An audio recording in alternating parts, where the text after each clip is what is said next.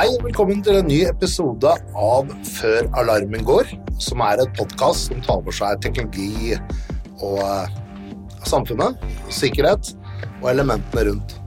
Og Som vanlig så har vi fått tak i noen spennende gjester som skal være med og belyse ja, spørsmål fra litt andre vinkler enn det vi pleier å høre fra. Janne, jeg begynner med deg. Velkommen. Takk skal du ha, Thomas. Du, hva gjør du i hverdagen? Jeg heter Janne Stangdal, og i hverdagen nå så er jeg konstituert eh, direktør i Datatilsynet. Fordi Datatilsynets direktør Bjørn Erik Thon han begynte som ny likestillings- og diskrimineringsombud i februar. Stillingen er nå lyst ut, og i mellomtiden så er jeg konstituert direktør. Egentlig så er jeg kommunikasjonsdirektør i Datatilsynet, og så er jeg samfunnsviter i bånn. Det høres ut som du har rammene rundt, i hvert fall. Vi får se. Har du vært lenge i Datatilsynet? Jeg har vært i Datatilsynet litt lenger enn eh, fire år, og må si at det er en utrolig spennende og morsom og givende arbeidsplass. Dere har jo en uh, utrolig uh, skal vi si, utrolig viktig jobb for samfunnet. da. Hva er det vi, vi prater litt om GDPR og litt den type ting. For meg som lytter nå, hvordan skal jeg forstå hva dette handler om? Jo, Kort om Datatilsynet. Ja. Vi er et uavhengig forvaltningsorgan, og vi jobber med personvernet til borgerne i hele landet, i hele Norge. Vi rett og slett passer på at data om deg og meg forvaltes på en eh, skikkelig måte.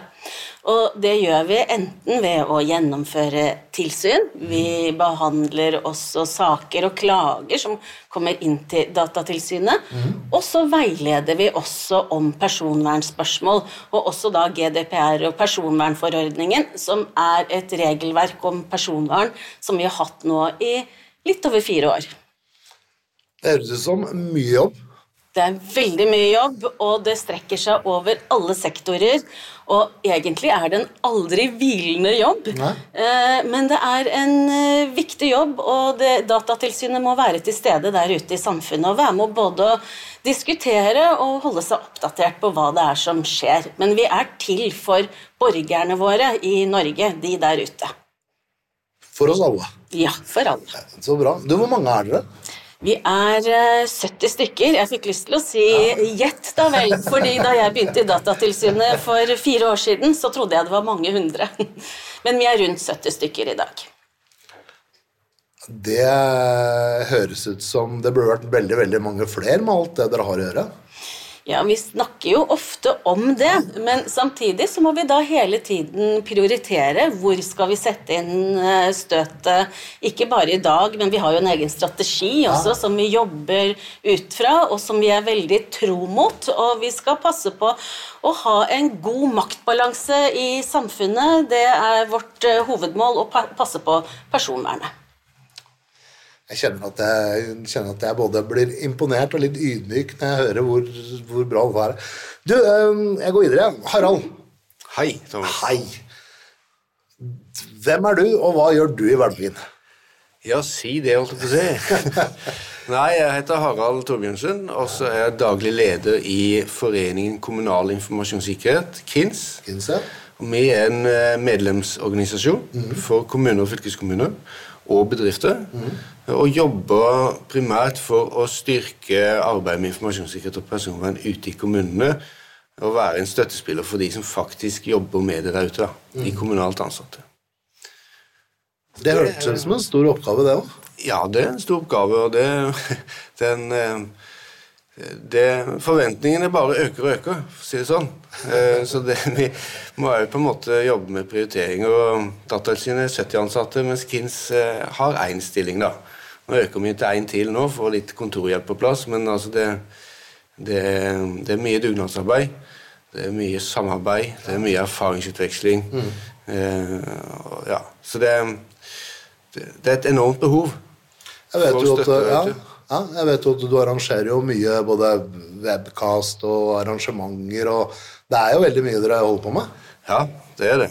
Og det er vel derfor de måtte ansette en daglig leder, tror jeg. For det begynte å ta av. Så kan man si Etter at GDPR kom, Ja. så økte jo medlemsmassen i KINS eh, vesentlig. Okay. Og i og åra før og, og etter.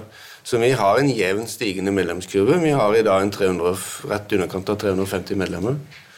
Eh, 50 av de er vel rene kommersielle bedrifter.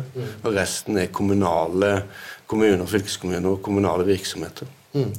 Så det er, og vi arrangerer kurs. eh, for, hver eneste måned så har vi kurs. Vi arrangerer konferanser. Mm. Har, vet, koronaen kom, så har vi selvfølgelig gjort mye på web. Ja. Mye webkast, som du sier. Og vi er opptatt av å prøve å levere eh, konkrete ting, og at det vi gjør, skal være bra. da.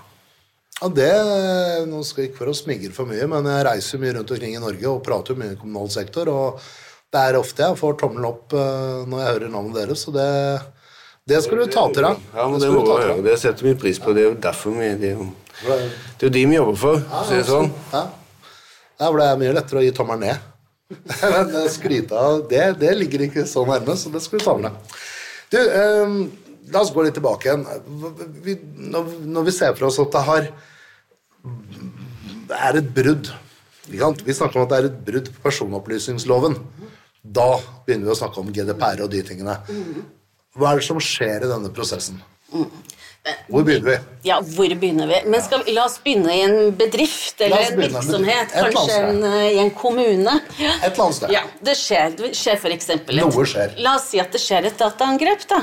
Kan det være Det syns jeg passer best her. ja, og det vet vi jo at blir vanligere og vanligere, og det er noe egentlig de fleste opplever. Eh, og før jeg egentlig sier hva man da skal gjøre, så har jeg lyst til å si med en gang at det er utrolig viktig å passe på å være godt rustet for slike hendelser i organisasjonen eller bedriften som man eh, representerer. Forarbeid. Forarbeid, ha gode rutiner for sikkerhet og internkontroll og slike ting.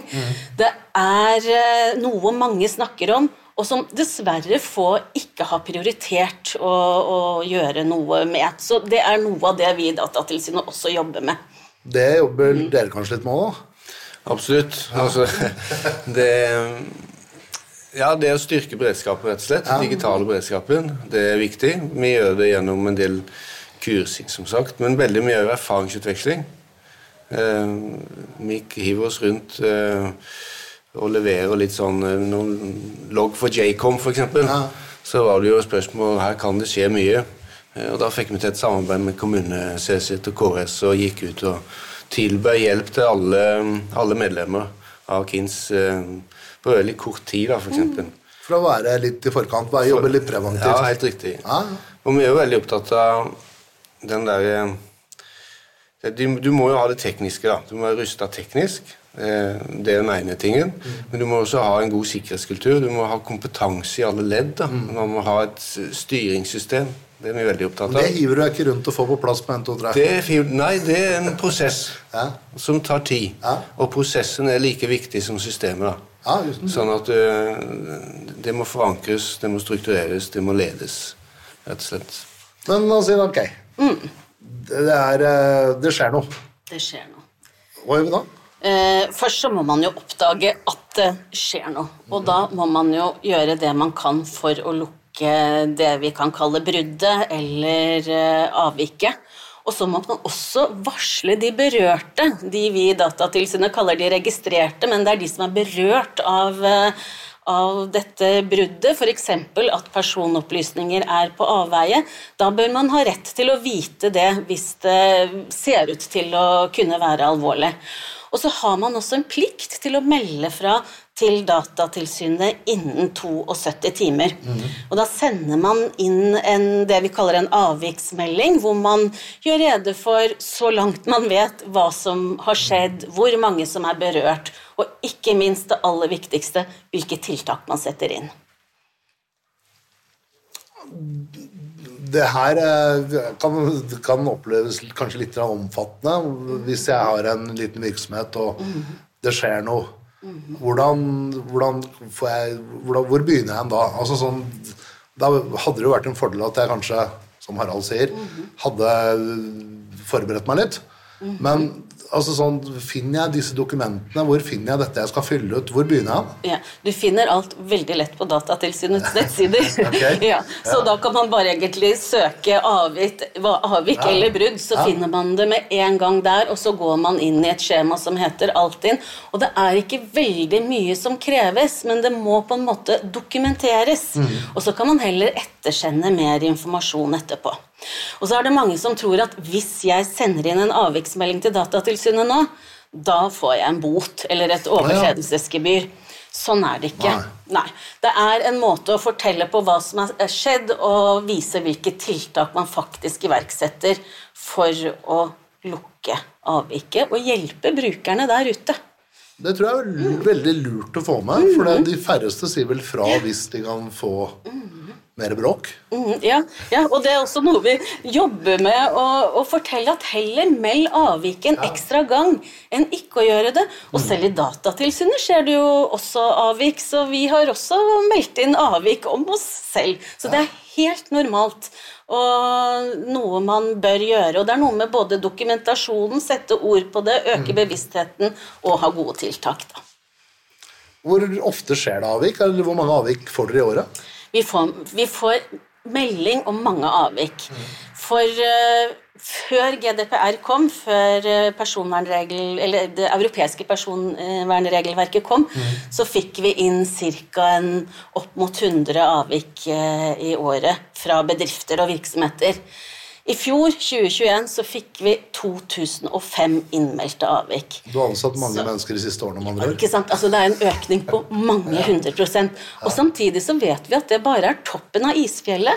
For det skjer avvik og brudd hele tiden, i stor eller liten skala.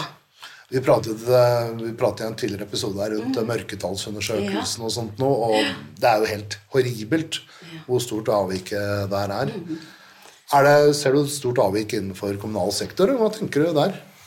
Er, Der er alle flinke. Ja, der er alt på stell, Thomas. ja, det er klart det er store utfordringer med dette i, kommuner og fylkeskommuner. Mm. det, kommunene angripes hver eneste dag, rett og slett. Og dette kjenner jo dere òg til. Så det, dette er utfordrende å håndtere. Kommunene er såpass eh, Kommunene har enorm mengde databehandling. Eh, de er enormt komplekse organisasjoner. Så du har en stor angrepsflate. da, en stor, Mye sårbarhet, rett og slett, som er utfordrende å, å ha kontroll på. Så det er klart at Der, der skjer det avvik. og jeg, tror, jeg vet jo at dere får en del avvik fra mange kommuner. Så er det nok noen kommuner som bør bli flinkere på å levere avvik i forhold til at eh, eh, Altså, vi trenger å lære av hverandre. Det er kjempeviktig å, stå sammen på en måte i den, det utfordringsbildet vi har nå. Er det veldig tydelig? altså sånn, For jeg, jeg er jo litt sånn, jeg er ganske enkel. Er sånn, man gjør det man får beskjed om. Det er litt, eh, Jeg likte meg godt i Forsvaret og sånn. for Gjør det du får beskjed om. Men eh, tror du det er mange som opplever avvik som ikke sier ifra rett og slett fordi de ikke forstår konsekvensene, eller at det på en måte har vært så ille eller grovt som det er? Tror man at det, kanskje er noe annet? altså som, Hvorfor melder man ikke fra, tror du?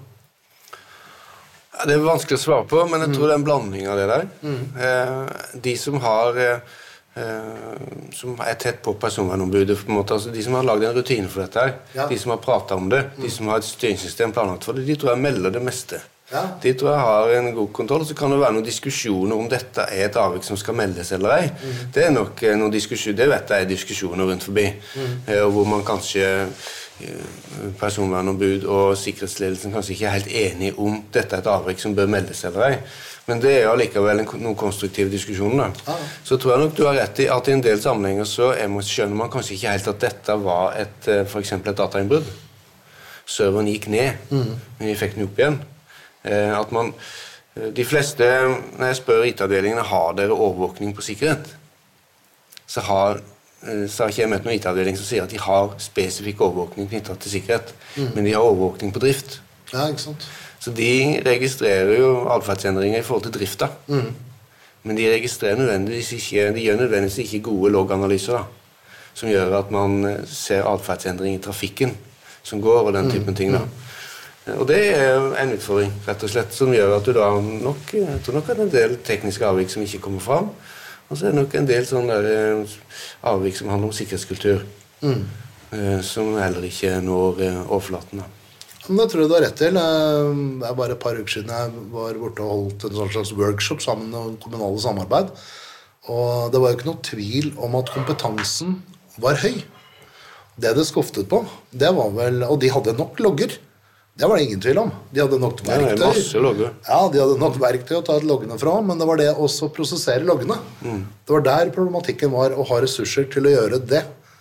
Ja, det skal prioriteres, da. Ja, ikke sant? Det, må, det betyr at noen må slippe det de gjør, for å gjøre den biten istedenfor. Men det betyr jo egentlig at de fleste som tar kontakt med Datatilsynet, kanskje kan litt mer enn gjennomsnittet, da? eller? Ja, mange av dem Ja. kan nok det, hvis Ja. vi stikker fingeren i jorda. Ja. Men, eh, men vi ønsker jo at flere skal gjøre det og være bevisst på det. Og man kan snu litt opp ned på det også, for én ting er jo hva enkeltmannsforetak og bedrifter gjør. Men det vi ser, er jo at innbyggerne, enkeltpersoner, er jo veldig opptatt av personvern nå. Veldig. Så én ting er jo at eh, man melder inn et avvik hvis man ser at det har skjedd et brudd. En annen ting er jo da enkeltpersoner og andre som melder inn til Datatilsynet at det har skjedd brudd. brudd. Og det får vi også, altså sånn type klager og tips, det er også økende. Så det er en forventning til eh, alle selskaper der ute ah, ja, ja. om at de skal behandle personopplysninger forsvarlig. Og det syns jo vi er en fantastisk ting også med GDPR, da, at ah. folk flest har blitt ganske så oppmerksom på sine menneskerettigheter som personvern er. Det er, det er uten tvil en menneskerett, det. Mm. Det tallet har også skutt i været, da, med andre ord. Det har skutt i været, det tallet også. Du, eh, eh, over til dette her med bøter og, og litt sånne ting. Vi kaller det et overtredelsesgebyr. ja, på fint så heter det overtredelsesgebyr. Og så er det mange som velger å kalle det for bot, og så prøver vi å møtes på midtveien og si gebyr. Det er et gebyr. Ja. Og et av de største gebyrene dere delte ut i fjor, det var til Østre Toten. Hvorfor ble det i den størrelsesorden?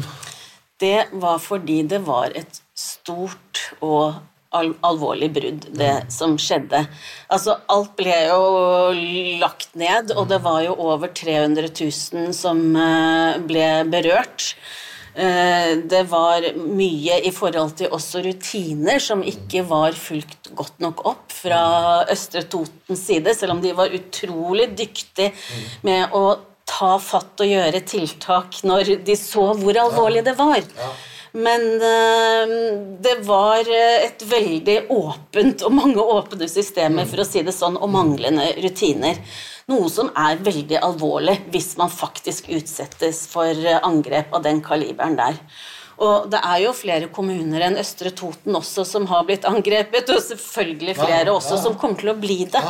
Men, eh, men vi, vi så det som svært alvorlig, og har også for noen år siden påpekt det til dem. Og så vet vi ikke helt hvor mye de egentlig hadde gjort av forebyggende arbeid.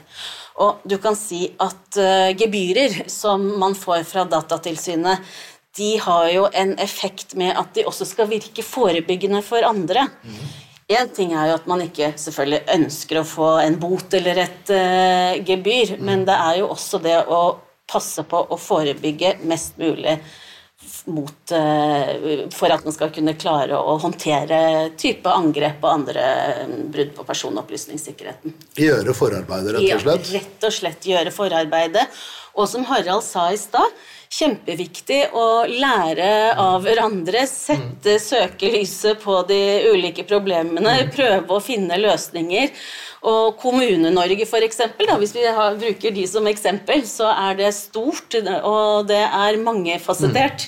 Og det å kunne både snakke sammen og lære, og kanskje ha noen felles eh, strategier også, er jo en veldig stor fordel. Ja, uten tvil. Og jeg opplevde jo det at Kins Dere tok jo tak i dette ganske tidlig. Og jeg opplevde at Østre Toten også var veldig åpne om det som skjedde. Eh, De stilte jo fort opp eh, på et av webinarene deres hvor jeg vet ikke hvor mange kommunale som var på det, men det var en, en stor interesse for dette her. Ja, det var flere hundre som deltok på det, og vi hadde jo Østre Toten er jo medlemmer av KINS, Ja. eh, så vi tok en eh, forsiktig, høflig kontakt eh, med vår kontaktperson der eh, en ukes tid etter angrepet og bare stilte oss til rådighet og spurte om de var interessert i å dele noen erfaringer. Da kunne vi rigge. Og så hadde vi med oss dere som på litt generelt grunnlag kunne fortelle om den typen angrep og altså, ja, trusselbilder, angriperne og hendelseshåndtering og sånt. Så det var veldig matnyttig, tror jeg. Vi fikk veldig mye god tilbakemelding på et sånt webinar. Eh, Så det, og det er viktig. Ja, for da går du tidlig ut og igjen, ikke sant? Prøver å få litt preventivt. Østre Toten er jo ikke eh, Vi anser ikke de for eh, Altså, det er mange som Østre Toten. Ja, det De, er ikke, de skiller seg ikke Jeg tenker at de er representative Ja. for en stor gruppe kommuner på, på hva man på en måte Hvor lista ligger hen, da. Eh, og det, var rett og slett bare uflaks at det var de. det kunne vært Ja, og det har vi diskutert også i KINS. Jeg har spurt mange som har sagt Som har stilt seg spørsmålet Kan dette skje hos oss. Og svaret er da ja, det kunne absolutt skjedd hos oss. Ja, ikke sant? Ja, Det har vi jo sett med andre hendelser også som har vært på, på skole og på helse og andre sider. Altså det, de fleste hendelsene kunne skjedd hos ganske mange andre. Så vi må liksom lære av hverandre og prøve å forebygge. da. Når, når dette skjedde, eh, og man hadde jo en følelse for at det kom til å komme noe eh, overtredelsesgebyrer ja. Bravo. Ja. Hvordan var spillet i kommunal sektor da? Dere rundt Hva ble det diskutert? Ja, det ble diskutert. Hva skjer, hva skjer ikke? Kommer det, kommer det ikke? ikke? var, ja, den praten gikk. altså... Vi var veldig spent på, for ser, altså Dette hadde jo enorme konsekvenser mm. for innbyggerne i kommunen som ble ramma. Det hadde enorme konsekvenser for eh, evnen til å levere man, De leverte jo kommunale tjenester fortsatt. Mhm. Det var bare at de måtte levere det uten digitale verktøy i stor grad. Mhm. Det var litt, eh, litt, Bildet er litt nyansert, men sånn generelt sett så måtte de jo da tilbake til blyant og papir de, det var enorme kostnader da, for kommunen for Østre Toten for å komme opp igjen.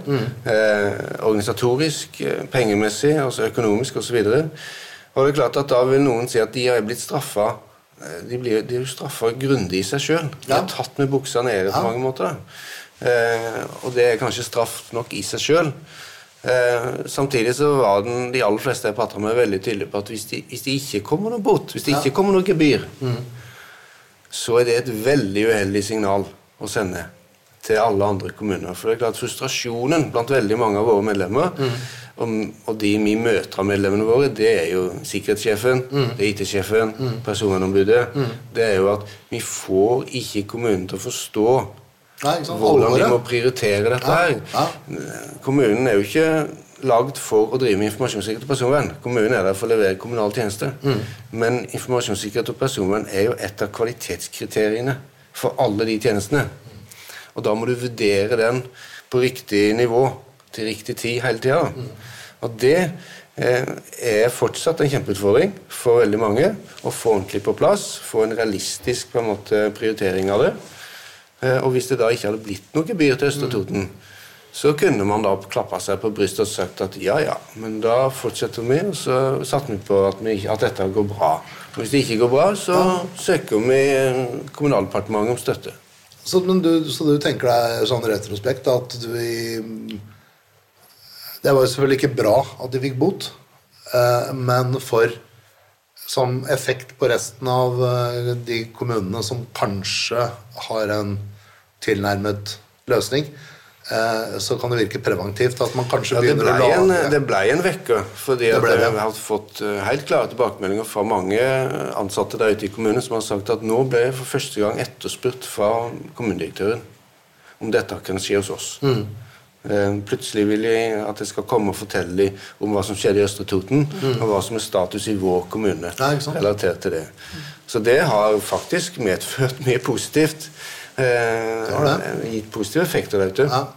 Ja, vi ser jo også det. Ehm, Det har jo gått ut brev fra KS også, eh, flere ganger. Og det der, det kan kanskje du kommentere etterpå, men det gikk ut noen brev fra KS. ehm, Og det var flere titalls kommuner som kontaktet oss for å forklare dem hva som sto i brevene. Mm.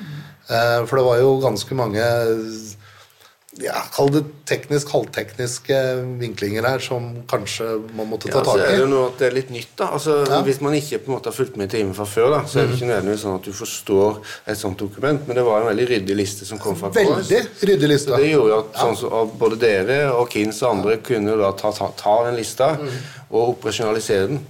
Eh, Det er Invitere inn til ja. en samling, forklare, ok, men gi eksempler osv. Så, jeg tror det var, det var veldig bra at Veldig KS bra. kom med, den, eh, med det utspillet. Ja, uten tvil. uten tvil. Og når man også kan vise til at uh, Datatilsynet er ute og, og tar action, så er det jo klart at det kommer høyt på agendaen. Det er ikke noe tvil om. Men uh, uh, det er interessant uh, Disse pengene som kommer fra bøtene For det er jo litt sånn eh, gamle dager så var det sånn gentleman's agreement. Hvis man brakte sammen og man sloss litt, og den ene vippet over ende, så da var liksom kampen ferdig. Sånne hanekyllinger. Det handler om å liksom ikke sparke noen som ligger nede. da. Og hvis du allerede har gått på en skikkelig smell, og du har det ganske vondt, og vi vet at det koster mye å tilbakestille alt det som er, og så blir du premiert med en bot på toppen. Det kan være litt tungt for innbyggerne å bære, kanskje? jeg vet ikke. Hva, er det noen tanker rundt det?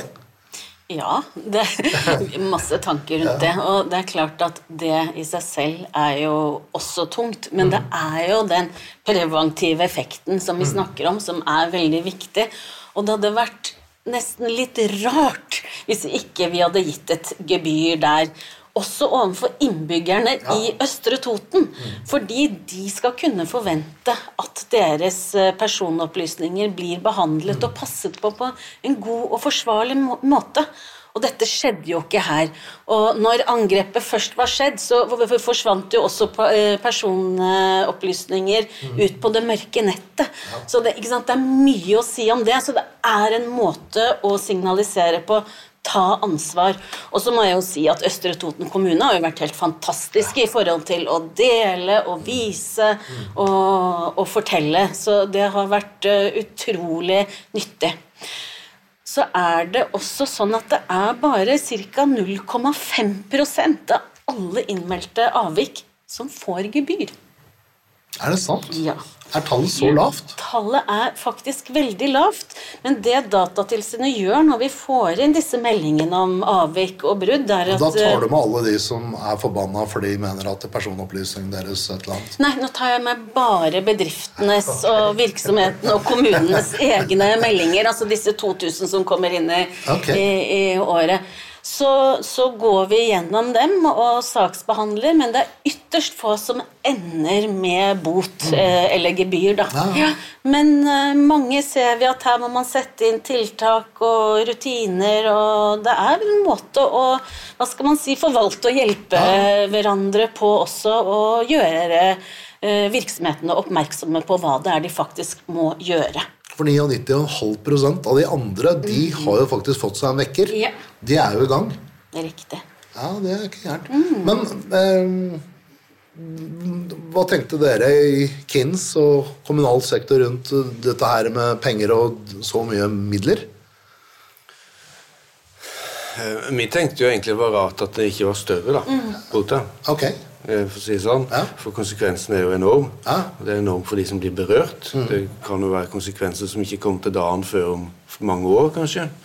Og kommunen eh, blir jo sliten med dette i mange år. Det er uten tvil. Det er ikke ferdig på et par år liksom å komme tilbake igjen. Eh, Men man kan jo liksom, det man kan stille spørsmålstegn ved, er- men hele, hele offentlig sektor er jo bygd opp sånn. Vi har tilsyn. Eh, Man har organer som gjør tilsyn på visse områder. Og så er det en konsekvens hvis du på en måte, ja, hvis det brudd er alvorlig nok. da. Og så flytter man litt penger rundt i offentlig sektor. Det er egentlig det man da gjør. Tar penger fra et sted i offentlig sektor og betaler tilbake igjen til et annet sted i offentlig sektor. Så eh, det som kunne vært spennende å diskutere, er jo eh, hva man bruker de pengene til da, som kommer inn. Vi mener jo at, eh, og jeg mener i hvert fall, at eh, det må få konsekvenser. Det er Ja. viktig. Hvis det ikke får konsekvenser, så, så har vi på en måte ikke noen ting. Det, da trenger man ikke gjøre noe, da. Rett og slett. Det er veldig få ansatte eller kommunedirektører som har eh, eller ja, få ansatte i offentlig sektor som har måttet gå fra jobben sin, i kommunesektoren i hvert fall. Vi hadde en kommunal, en byråd eh, borte i Bergen som måtte gå pga. et brudd i skolesektoren. Men det er ikke så mange andre eksempler på det, f.eks. Ja. Så det virkemidlet brukes jo ikke så veldig mye. Så jeg tror at gebyrer er viktig, er viktig preventivt, for det er det eneste vi har. Men du står jo ansvarlig som øverste leder uansett i kommunen, gjør du ikke det? Jo, men du står ansvarlig for veldig mye i kommunen. Ja, men du kan, ja, ikke sant? Så det er så mye annet du også står ansvarlig for. Hvis du skal veie opp da, på en måte hva er mest, hva er mest alvorlig. Vi pleier å si at det som er litt utfordrende med informasjonssikkerheten, da, det er at, eh, og personvernet for så vidt, det er at det merkes ikke om du gjør jobben eller ikke gjør jobben, før det plutselig smeller. Før, ja, ja, ikke sant. Og da, eh, spesielt hvis du ikke gjør jobben, da, så trenger ikke det å synes før det plutselig smeller. Og da synes det så voldsomt. Så det er en kostnad du ikke tar før du Ja, dessverre, da. For dette, og det er jo det som er utfordringen. Dette er, krever ressurser. Rett og slett. Skal vi gjøre dette ordentlig, så krever det ressurser, da. Men eh, pengene fra gebyrene de går jo til staten i dag, sånn jeg har forstått det. Det stemmer. Til Statens innkrevingssentral. Statens innkrevingssentral. Ja. ja. De får mye penger. De Eh, får mye alt penger. mye, ikke sant? For alle Ja, tilsyn alt. og, og alt. Og, ja. Så, og det har vært en interessant diskusjon. Nå kan ikke de pengene brukes på en annen måte Mhm. Ja. for å forebygge. Jo, det hadde sikkert uh, vært flott, det. Mm. Men jeg tenker uh, sånn i utgangspunktet så utgjør det ikke en veldig stor samlet sum i forhold til uh, hva Datatilsynet skriver ut av av gebyrer. Men det er en desto viktigere diskusjon hva kan vi gjøre, gjøre for å Mhm. forebygge på en best mulig måte. Det handler jo om tillit, Ja. som vi var inne på før Ja. her. i dag. Ja. Altså, innbyggernes tillit til at kommunen eh, vet hva de driver med, i og fall fylkeskommunen, det er jo helt avgjørende for demokratiet. Ja. Og da har jeg også lyst til å si, når vi er inne på tillit, hvor viktig det faktisk er. Og vi, nå har vi jo snakket mye om kommuner, og det skal vi jo i dag. Men jeg har jo lyst til å nevne også at Stortinget f.eks. også har fått et varsel om uh, gebyr fordi de ikke har hatt gode nok sikkerhetsrutiner for uh, de ansatte og de folkevalgte. Og det er også ganske alvorlig for demokratiet og også for tilliten. Hvordan ble det mottatt eh, å få et sånt varsel? Eh, vel, det blir mottatt, og det, det er jo under diskusjon nå. Men eh, man ser jo at her skulle man ivaretatt sikkerheten bedre. F.eks. også ved å ha tofaktorautentisering. Som jeg syns er like vanskelig å si som overtredelsesgebyr. Det er godt vi har hvert vårt, hvert vårt ord å passe på. Men dere er jo enige i veldig mye. Altså sånn uh, veldig mye, egentlig. grunnleggende enige eh, på en del ting. Det er vi nok. Ja. tenkte jeg skulle prøve å komme inn på Kins møte med Personvernkommisjonen. For det er jo vet jeg, det er noe du har lyst til å nevne på. Ja, altså KINS har blitt invitert eh, av Personvernkommisjonen sammen med et knippe kommuner til å Og KS var også invitert til å si noe om utfordringsbildet for personvernet. Eh, i, altså i, da, i forståelsen av GDPR. Eh, Så vi holdt et ti minutters innlegg eh, rundt det. Og det var veldig fascinerende å se at kommunene og KINS, og også advokat Santre som var med, var strålende enige uten å være koordinert på forhånd. Så var det de samme poengene som ble trukket fram, da. Fordi Ja. Det, det, det, det, det er de samme utfordringene. Det, det skorter på ressurser. Det er skorter på kompetanse. Ja. eh, På tid, prioritering. Manglende ledelsesforankring. Altså jeg kan eh, laste opp Jeg kan ramse opp en del ting her, rett og slett. Og det er Det verste er at de ordene du nevner nå, det er de samme som blir brukt i privat sektor.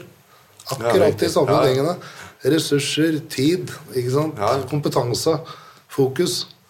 Ja, det er noe med, som vi var inne med stad. Det, ja, for det, det var inne med stad, at dette handler om kvalitet i det man tilbyr. Ja. Kvalitet i tjenestene. Eh, og når ikke det ligger der, når du aldri må rapportere på dette som en del av kvalitetskriteriene for leveransen du gjør, Ja. eh, så blir det ikke prioritert heller. For du, Som leder så prioriterer du jo det du må uh, levere på. Dette må du ikke levere så veldig tydelig på i mange sammenhenger. Og da er det selvfølgelig, når du ikke får spørsmålene, så her kommer det nederst på prioriteringslisten. Ja. Ja, det Ja. Det kommer i hvert fall langt ned. Ja. Eh, Så det var et av budskapene til Personvernkommisjonen fra vår side, at vi er bekymra. For vi ser at når det er et, eh, kommunene har et høyt digitaliseringspress Vi må digitalisere i kommunene for å møte morgendagen. For å kunne levere kommunale tjenester på dagens nivå og kanskje ja, så nært på dagens nivå som mulig, så må vi automatisere. Vi må digitalisere. Hvordan løser du dette? Løser du med flere nasjonale ressurser, eller løser du med å måke på flere ressurser i kommunene, eller hvordan er det du ser for deg at dette blir løst? For det, altså, jeg ser for meg nasjonale ressurser, fornuftig gjenbruk, ikke sant? Kan du ta og gjøre det sammen med flere steder? Flere ressurser i kommunen vil jo kanskje løse steder. Det er en blanding, fordi eh, kommunene har ansvaret for det er virksomheten. De må ta ansvar for sikkerheten, selvfølgelig. Og for informasjon, altså informasjonssikkerheten og personvernet. Men eh, de må også da settes i stand til å ta det ansvaret. Eh, Så det er en blanding at kommunene må tilføres eh, ressurser og kunnskap og kompetanse på området. Eh, Og så må det også skje noe i forvaltningen som gjør at man, eh, at man setter kommunene i stand. Da. Sektormyndighetene eh, og overordna myndighet på fagområder osv. må vi kan ikke, altså Da Datatilsynet kommer på tilsyn, så er de kjempeflinke til å gi veiledning. Eh, Det er det mange som sier. Det er et veldig hyggelig tilsyn. Det var ikke noe gøy med den bota, men altså de, er, de smiler eh, og, og hjelper deg på en måte. Eh, Så det fører til en god prosess. Men det holder jo ikke. ikke vel? Altså, vi må ha andre enn Datatilsynet som sørger for forebyggende eh, aktivitet der ute. Og Da har vi gitt et innspill til Personvernkommisjonen at vi trenger et ressurssenter for informasjonssikkerhet og personvern i offentlig sektor. Så eh, sier vi ikke noe mer om det, men det er et poeng for oss å få fram at noen må gjøre noe på vegne av alle. Og det må ligge på statlig nivå. Det kan ikke ligge bare i et kommune er flinke til å samarbeide. Vi samarbeider masse. Eh, Men her snakker vi om litt sånn eh, nasjonale problemstillinger. Alle har ikke-. Alle har det samme problemet. Er det lov eller ikke lov med Facebook? Det kan du ikke la en kommune Det kan ikke være opp til den enkelte kommune å avklare sånn. Altså, skal Schrems 2-dommen Det er på en måte Det er forhold som kommunen ikke rår over, da. Ja. Og så skal man sitte og gjøre vurderinger på noe man ikke rår over. Det blir veldig utfordrende. tenker du om dette? Nei, altså Harald er jo klok og har jo mye erfaring og kompetanse.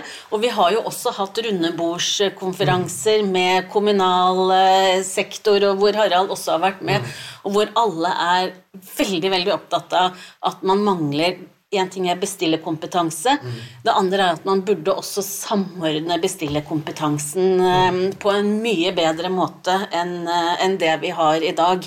Og Datatilsynet ønsker også veldig sterkt en nasjonal strategi og virksomhetsplan for å få til en bedre samordning eh, mellom eh, kommunene. Hva, jeg tror jeg lar det være, være siste ordet i, rundt dette. Um, men uh, helt til slutt, så når jeg har to eksperter i, sånn, i, studio, så må jeg jo utnytte det å kunne stille dere. Altså, hva er ditt avsluttende tips? Hvis du kan velge fritt, hva tror du er det beste tipset? Nei, mitt beste tips er å være beredt, og så tenker jeg som det er sagt, det er et lederansvar å passe på at man følger eh, informasjonssikkerheten på en god måte. Og fra din side, Harald? Bruk KINS. Nei, men eh, det er jeg helt enig i. Det, det, men man må jobbe systematisk. Ja. Det tror jeg er l- styringssystem, ledelsessystem, Ja. som en del av kommunens virksomhetsstyring. Ja. Det er noe av det viktigste man kan gjøre. Da faller alle brikkene på plass. Da får man rolleavklaringer, da får man ansvarsavklaringer hele veien. Så det er jobbe med styringssystem og ledelsessystem som en del av virksomhetsstyringa til kommunen. Det er vårt tips, og bruk verktøykassa til KINS. Jeg tror jeg skal gjøre noe jeg aldri har gjort før, jeg tror jeg skal gi et tips selv òg. Ja. Det er ikke ofte jeg gjør. Fordi jeg har rotet litt rundt inn på sidene til eh, Kins. Og jeg har jo sett på en del av det. Og når du tenker på bestillerkompetanse og sånn, så har jo dere faktisk eh, gjort et stykke arbeid der, har dere ikke? Jo, vi, over flere år så har det sittet sikkerhetsledere og IT-ledere ute i kommunene og jobba med å, å finne fram til eh, standardiserte sikkerhetskrav ved innkjøp. Regner med det er det du Ja, sikter til, Thomas. Eh, og det har vi eh, tatt ut fra regneark nå og lagd en webguide på som ligger i verktøykassa til Kins, som, eh, nå har vi tatt for oss skolesektoren i første omgang. Den er ferdig. Nå skal vi eh, ta for oss helsesektoren og samarbeide med Norm, eh, Normen for informasjonssikkerhet i helse og omsorg. De har gjort en kjempejobb. Vi finner ikke opp hjulet på nytt. Vi tar det som er der, og prøver å gjøre det tilgjengelig. Sånn at eh, Kommer det en eh, skoleleder nå og skal gjøre et innkjøp i skolesektoren, så, så velger han mellom noen lister. Er det personopplysning her? Ja vel, da velger du den lista alle IT-løsninger i en kommune da skal ha den lista her og den lista der. Skal det gjøres vurdering, skal lærerne vurdere eleven, så må du ha med den lista her. Og Så klikker du neste. Da får du opp eh, For mange krav hører til flere lister. ikke vel? Så da er det bare filtrert og sortert, så du får ett krav. Men du får ikke dupl duplikater på krav. Og så kan du eksportere det ut i et regneark, hvor det også er veiledning til Ok, men det kravet her, hva er det leverandøren da må svare ut? Og hvordan skal du vurdere det kravet, det svaret som kommer tilbake på det kravet? For det er jo vel så stor utfordring, da. Vi har levert mange IT-sjefene leverer masse sikkerhetskrav, og så gjøres innkjøpet, og så får de beskjed tilbake fra innkjøpsavdelingen eller innkjøpsansvarlig at eh, vi tok ikke noe særlig hensyn til sikkerhetskravene, for det var så vanskelig å forstå. Og det det er vanskelig å forstå. Ja. Og Derfor så setter jeg så utrolig stor pris på den jobben dere har gjort. Og ikke minst den verktøykassen, som jeg faktisk anbefaler alle å ta en titt på. Du, Før jeg slipper dere, så, så må jeg stille et eh, kanskje litt personlig spørsmål. Men det er i hverdagen så strør vi rundt oss med litt smarte og halvsmarte dingser. Hva er din favorittdings? Smarte favorittdings? Jeg elsker og hater den, men jeg klarer ikke å si noe annet enn mobiltelefonen. Men sånn er det med det man elsker òg. det er en forlenget arm, og det er helt forferdelig, og jeg er helt avhengig, men jeg elsker den.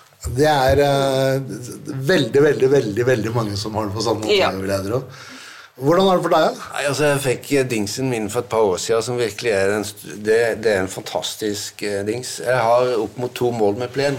Oi. Så jeg har fått meg en robotgressklipper som- med GPS-styring. Oi. Det er, helt, det er helt fantastisk. Det kan bare ikke beskrives, rett og slett. Det, det ta kaffekoppen om morgenen og se at der har han vært ute i to timer, Alket. Nei, dette var nydelig, du. Nyklipp, igjen i dag. Så du, du har digitalisert Seven Shaun, du, mann. Det har jeg, rett og slett. Fantastisk. Ja, det er helt topp. Du, eh, tusen takk for at dere tok dere turen til studio. Og for dere der ute som lytter, husk på at nå kommer straks sikkerhetsdager igjen. Så logg på, og meld deg på i en by nær deg. Til dere, tusen, tusen takk for at dere tok dere turen. Eh, jeg har lært masse i dag. Spennende tematikker for begge to, og jeg er helt sikker på at tilhørerne har hørt det samme. Ja, men Så hyggelig, og tusen takk for at vi fikk komme. Ja, takk for invitasjonen.